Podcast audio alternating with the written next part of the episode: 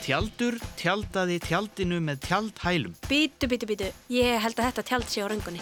Ekki tjalda í halla. Bítu, hver munurinn að fellihísi og tjaldvagni? Ég veist ég tjaldi bara í gardinu. Er ekki hægt að sjá hver margir á tjaldsvæðinu áður maður keira þanga? Engin læti á tjaldsvæðinu eftir klukkan tíu. Æ, getur við ekki bara tjaldað hjá einhverjum litlu læk, einhverjum litlu laut og bara vera alveg í ró og bara engin annar? Ég held að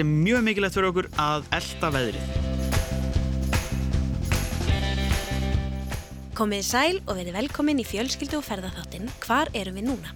Í þessum þáttum förum við yfir holt og hæðir, fræðumst um náttúruperlur með aðstóð ungra sérfræðinga og heimamanna, ferðumst fótgangandi, klifrandi, siglandi með veiðustöng, sofum í tjaldi og upplifum landið á ólíkan hátt. Á leiðinni stýttum okkur stundir með fyndnum, skemmtilegum og skrítnum fróðlegsmólum, förum í bílaleiki, hlustum á þjóðsögur og endum á æsispennandi spurningakeppni fyrir alla fjölskylduna. Ég heiti Ingi Björg. Og ég heiti Jóhannes. Vá, hvað ég svaf vel. Já, mér fannst samt eins og að vera að leka úr vindsænginu minni. Jálfur? Já, ég var eitthvað svona næstuði pínu óglatt, bara svo að ég var sjóveika. Já, heyrðu við þurfum að skoða þetta eitthvað. Já. En við erum búin að vera svolítið lengi á þessu tjálstæði. Já, Ættum við kannski að fara að hugsa um að skipta um. já, endilega. En byrjum allan á kaffi. Já, Ertu með prímus? ég er með prímus. Frábært. Ingibjörg, spurningin er samt, hvert eigum við að fara næst? Það er nefnilega Vestlurumannahelgi framöndan, að það geti verið pakkað á bara öllum tjaldsvæðum á landinu. Sko, talandi um Vestlunmannahelgi og, og vel pökkuð tjálstæði, Já, þá heyrði ég sögum daginn sem útskýri hvers vegna Herjólfsdalur heitir Herjólfsdalur. Þú veist hvað gerist í Herjólfsdalu Vestlunmannahelgina, það uh, býtum við, það er hérna stóra, já, þjóðhátíð í eigum. bara stærsta þar. landsins. Akkurat, tjálta allir þar. Og ég kann sögu um þennan dal. Þetta Já, er hana. endilega.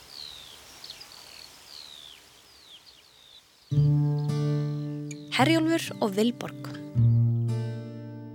Frægustu tjaldbúðir Íslands eru settar upp á hverju ári í Herjólfsdal. Það er Vestlunmannahelgina þegar þúsundir Íslendinga flikkjast á þjóðháttíð. Koma sjó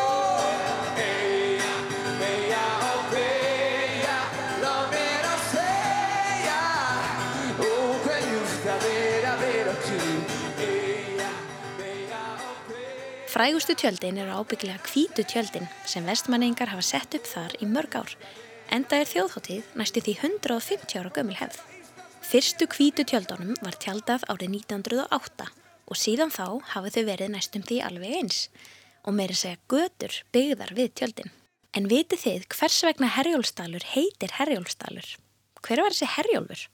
Og nei, það er ekki bara nafnið á ferjunni sem fer með fólk og bíla á milli lands og eiga, heldur er nafnið mun eldra en það. Sumir vilja meiri segja skipt um nafn á ferjunni og kalla hana Vilborgu. Akkur ætli það sé? Hlustiði nú.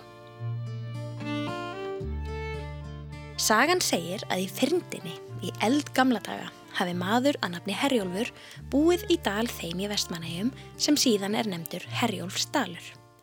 Bærin hann stóð undir háu og snar bröttu hamrafjalli. Hann var sá eini af eigabúum sem hafði gott vassból nærri bæsínum og þess vegna komu margir þangað til þess að byggja um vatn. Herjólfur var ekki hrifan af því að gefa vatnið sitt. Hann var full og gráðugur gamall maður sem átti ekki marga vini og því setti hann upp heiminn hátt verð fyrir vatnið. Dóttur hans, Vilborgu, þótti hann heldur harður þegar hann var að selja nágrunum sínum aðgengið að vatninu. Hún stalst því oft til að gefa nágrunum sínum vatn á nóttunni. Einu sinni satt Vilborg fyrir utan bæinn og var að gera við skóna sína. Þá flög hrappn yfir henni og stal öðrum skónum úr höndunum á henni og flög með hann burt. Hún vildi alls ekki glata þessum fína skó svo hún hljópa á eftir hrappninu. Þegar hún var komin spölkort frá bænum fjall stór og mikil aurskriða úr fjallinu sem fór yfir bæinn og gróf hann og Herjólf gamla undir grjóti. Vilborg átti hrafninum lífsitt að þakka, enda hafði hún alltaf verið góð við hrafnana og gefið þeim að borða. Góðmennska Vilborgar bjargaði lífi hennar þennan dag, en ekki fór vel fyrir pappa hennar Herjólfi. Síðan segir sagan að Vilborg hafi reist bæ, Vilborgar staði, og þar var tjörn sem allir máttu sækja vatn sitt í upp frá þessu.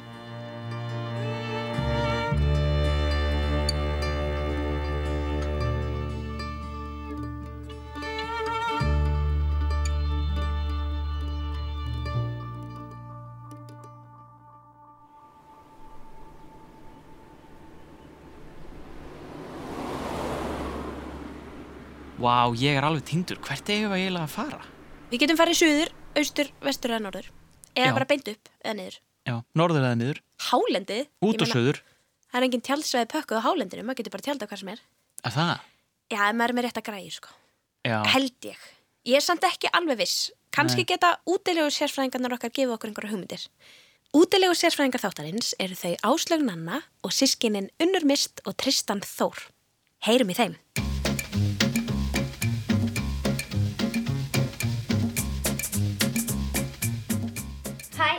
Heiti Unnumist og ég er 8 ára. Hæ, ég heiti Tristan Þór og ég er sjóra. Hú.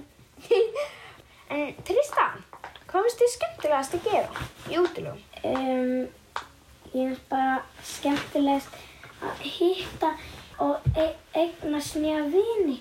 En að ég segja þér, mér finnst líka gaman þegar einhverjir vinnir okkar eða einhverjir krakkar er í útilug og mér finnst líka mjög gaman að Já.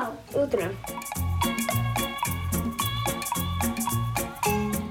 Tristan, getur þú sagt mér hver munurinn er á um, hjólísi, fellísi, húsbíl og tjaldi? Ég veit mun á, á svona tjald. Já, tjald er svona, Tjald. það er aðeins svona kaldar í tjaldi, alveg eins og maður sé úti. það er líka svona lítið. Já, maður þarf svona, og maður, hjólið það er ekki alltaf lítið, það er oft jafn stórt og fellísi eða eitthvað hannig. Fellísi er kannski svona helmingur af hjólísi og fellísi það er svona á milli hitanum heima hjá okkur og úti um miðja nætur. Og húsbíl, það er aðalega fyrir svona gummi hjón og eitthvað þannig. Því að það er bara tvö sæti og maður þarf ekki að taka bí bílana með og eitthvað þannig. Það er svolítið luxus. Og við eigum hjólísi. Hjólísi er bara svona alveg eins og heima hjá okkur. Já. Ef þið eigið stórt herbyggi þá er það bara svona jafn stórt að herbyggi ykkar. Mjög luxus. Og já, maður þarf semst að krækja hjólísi, hjólísi og fellísi við bílana. Þú veist, það er hægt að samt taka fellísinu svona smá niður en, en þannig að það er svona jafn stórt og að kerra. Mér finnst líka gaman þegar við förum, förum í útilegu á mótum, þú veist, þá tökum við skemmt, þá er það fótboltamóti Já. eða köruboltamóti eitthvað staðar annars staðar, þá tökum við hjólís með og eitthvað. þá fer ég út í svona tvo daga og svo man, við. ég man eftir, ég man eftir útilegunni í Vestmannegjum þegar við fórum að spranga þegar Berglind var að keppa. Já, og ég man líka eftir útileginu þegar við vorum á eigilstæði og, og við eignuðumst vini.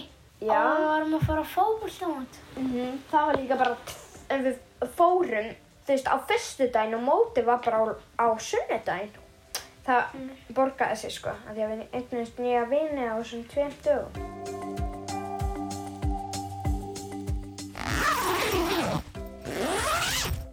Vissir þú að útilegu maður er ekki bara maður sem er í útilegu með allar græjur? Útilegu menn kallaðist það fólk sem bjó í óbyggðum til fjalla. Útilegu menn voru útlagar sem höfðu brotið lög og voru útskúfaðir úr samfélagi manna.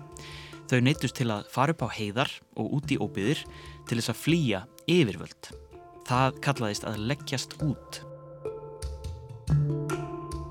Margar þjóðsögur eru til um útilegumenn og þeim var oft kent um ef bændur smöluðu fáum kindum af fjalli og þeir töldu að útilegumenn hefðu stólið þeim. Frægasti útilegumadur Íslands er fjallaeyfundur og konan hans, Halla.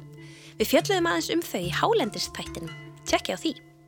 Allavega, hér er saga um dularfullan mann. Kanski var hann útilegumadur. Útilegumadur byðst gistingar. Einu sinni var ríkur bóndi á bæ, en hann var járnsmiður. Hann satt oft í smiðju sinni og smíðaði. Bærin stóð næri hrauni. Einu sinni sem oftar var hann að smíða og þá kom mikil rigning og þoka svo ekki sást á milli bæja. Þegar komið er fram að kvöldi kom maður þar að dyrum sem vinnumenn á bænum hafa aldrei séð áður. Hann var í söðsvörtum fötum með stórt og breytt byrki prik í hendinni. Hann stóð þar lengi og heilsaði ekki, sagði ekki orð. Bóndi virti hann fyrir sér og tók eftir því að hann er búin að ganga sokka sína og skó svo mikið til að allt er orðið gödótt og sundur slitið svo sést í fætur hans bera. Bóndi spurði hann hvort hann vildi ekki tilla sér á þröskuldin. Hann sagði ekki neitt en settist niður. Bóndi spurði þá hvort hann væri þyrstur og svaraði dularfulli maðurinn með því að skirpa á gólfið. Þá var honum færður fullur askur af mjölk sem hann drakk í einum teig.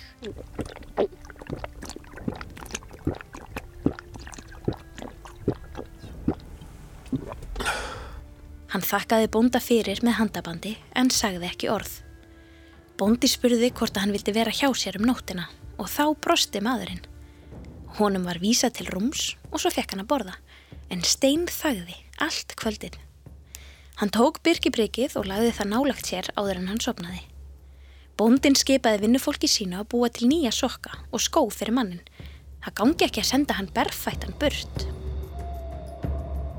Um morgunin fekk hann nýja sokka, skó og nesti. Dularfulli maðurinn tekur í hönd bónda og teimir hann upp fyrir húsið. Þar tekur hann tvo verðmæta peninga úr vasa sínum og réttir bónda, þegjandi og hljóðalöst.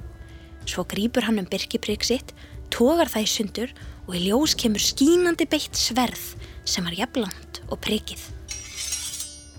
Stingur hann svo sverðinu aftur í byrkislíðrið, tekur í hönd bónda og stekkur af stað inn í hraunið. Svo sást hann aldrei meir. Þarna var talið að útilegu maður hafi verið á ferð sem hafi vilst þegar þokan skall á. Endar svo þessi saga.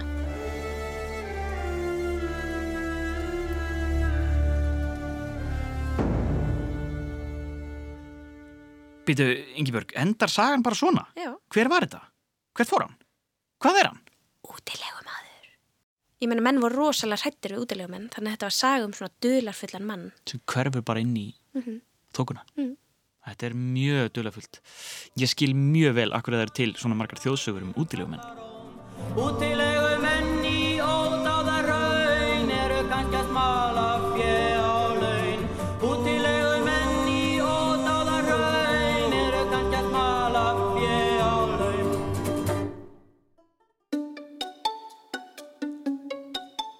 Ég heiti Áslunana Ragnarsdóttir. Ég er sjö ára. Ég ætla að segja ykkur frá útilegum hvað svona, og hvað er svona skemmtilegt við útilegu.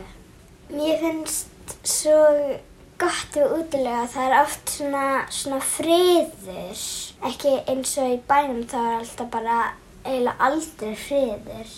Mér finnst líka gott að fá stundum bara að vera úti, að leika mér og ekkert stress.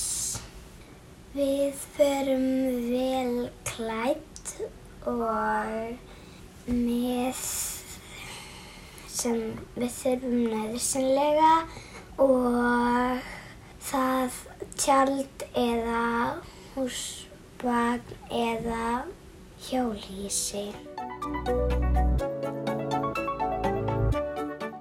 Ég ætla að segja ykkur núna frá því að hvað mikið vesen að maður tekur ekki alltaf rétt með í útilegur.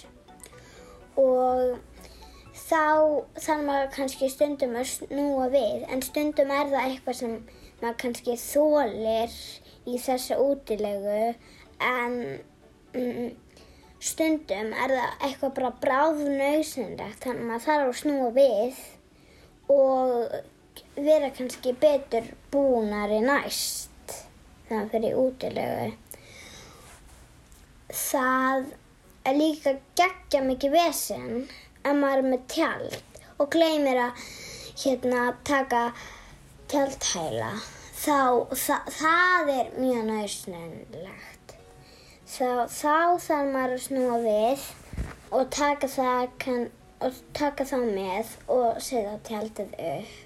Og það er einn saga sem ég hlusta stundum á og það var hérna bara um prinsessu sem var frá Noregi og einhver sem var einhver tíman fórseti og hann glemdi að taka tjaldhæla með þannig og hann fann gamlar kleinur í pókanum sínum og hann reyndi að nota það fyrir tjaldhæla en það gekk ekki vel því að kindur fór að geta tjaldhælana og þá var bara tjaldið bara blúpp yfir.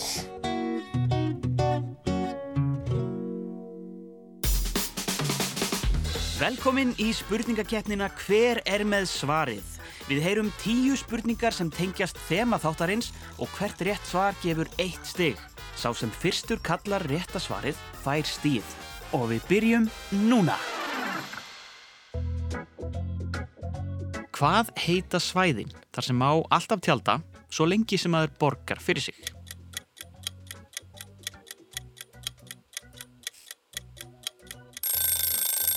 Tjaldsvæði. Í síðasta þætti sagði Katrin okkur að það gæti orðið svolítið kallt á nóttunni í tjaldi. Hún nefndi tvent sem væri sniðugt til að verjast kuldanum, ullarföt og annað svolítið stærra fyrirbæri sem að smegja sér ofan í. Hvað er það?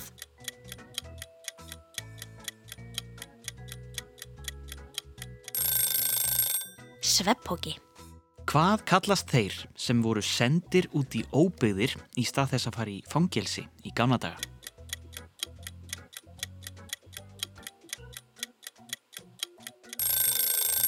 Útilegumenn. Í eldgamla daga var sagt að maður að nafni Herjólfur hafi búið í dal í Vestmannegjum sem fekk nafnið Herjólfsdalur eftir honum. Hvaða risastóra útiháttíð er haldinn í dalnum á síðu sumrin þar sem þúsundir manna koma og gista í tjöldum og skemmta sér?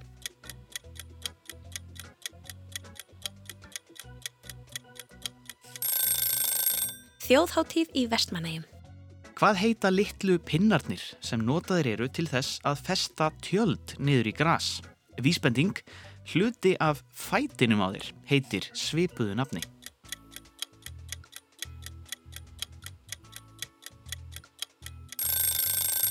Tjaldhælar. Í tjald útilegur er algengt að fólk taki með sér litla bensín eða gasknúna ferðaeldavél sem Guðrún Katrín nefndi og hægt er að nota til að elda mat og sjóða vatn. Hvað kallast svona græja?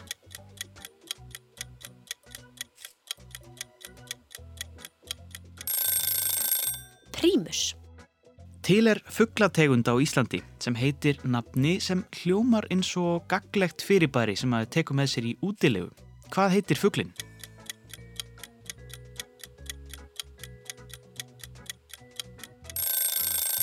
Tjaldur. Hvað þarf bíl að hafa aftan á sér til að hægt sé að draga tjaldvagn eða fellihísi með í ferðarleið? Vísbending, kafteitnin í Pétri Pan var með svona í staðin fyrir hönd.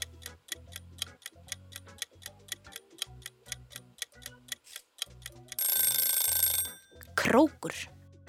Í Ásbyrgi, sem er á norðausturlandi, er mjög vinsælt tjaldsvæði. Það er í læginu eins og skeifa og talið að sé fótspor eftir góðsagnaveruna Sleipni sem var hestur aðsta guðsins Óðins hins einegða. Hvað var Sleipnir með marga fætur samkvæmt sögunni?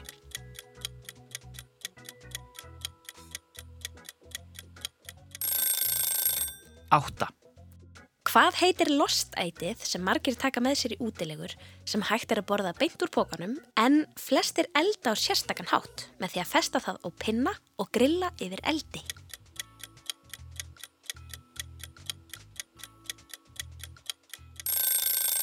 Sigurpúðar.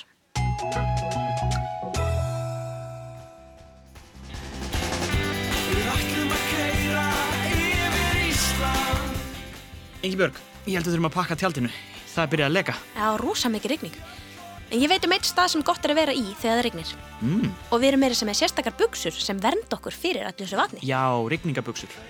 Nei, vöðlur. Vöðlur. Fyrir veiðina, Já, við ætlum í veiði. onni í vatnið, Frábær hund. Drýjum okkur í veiði. En, herru, við erum að gleyma að þakka fyrir okkur. einmitt.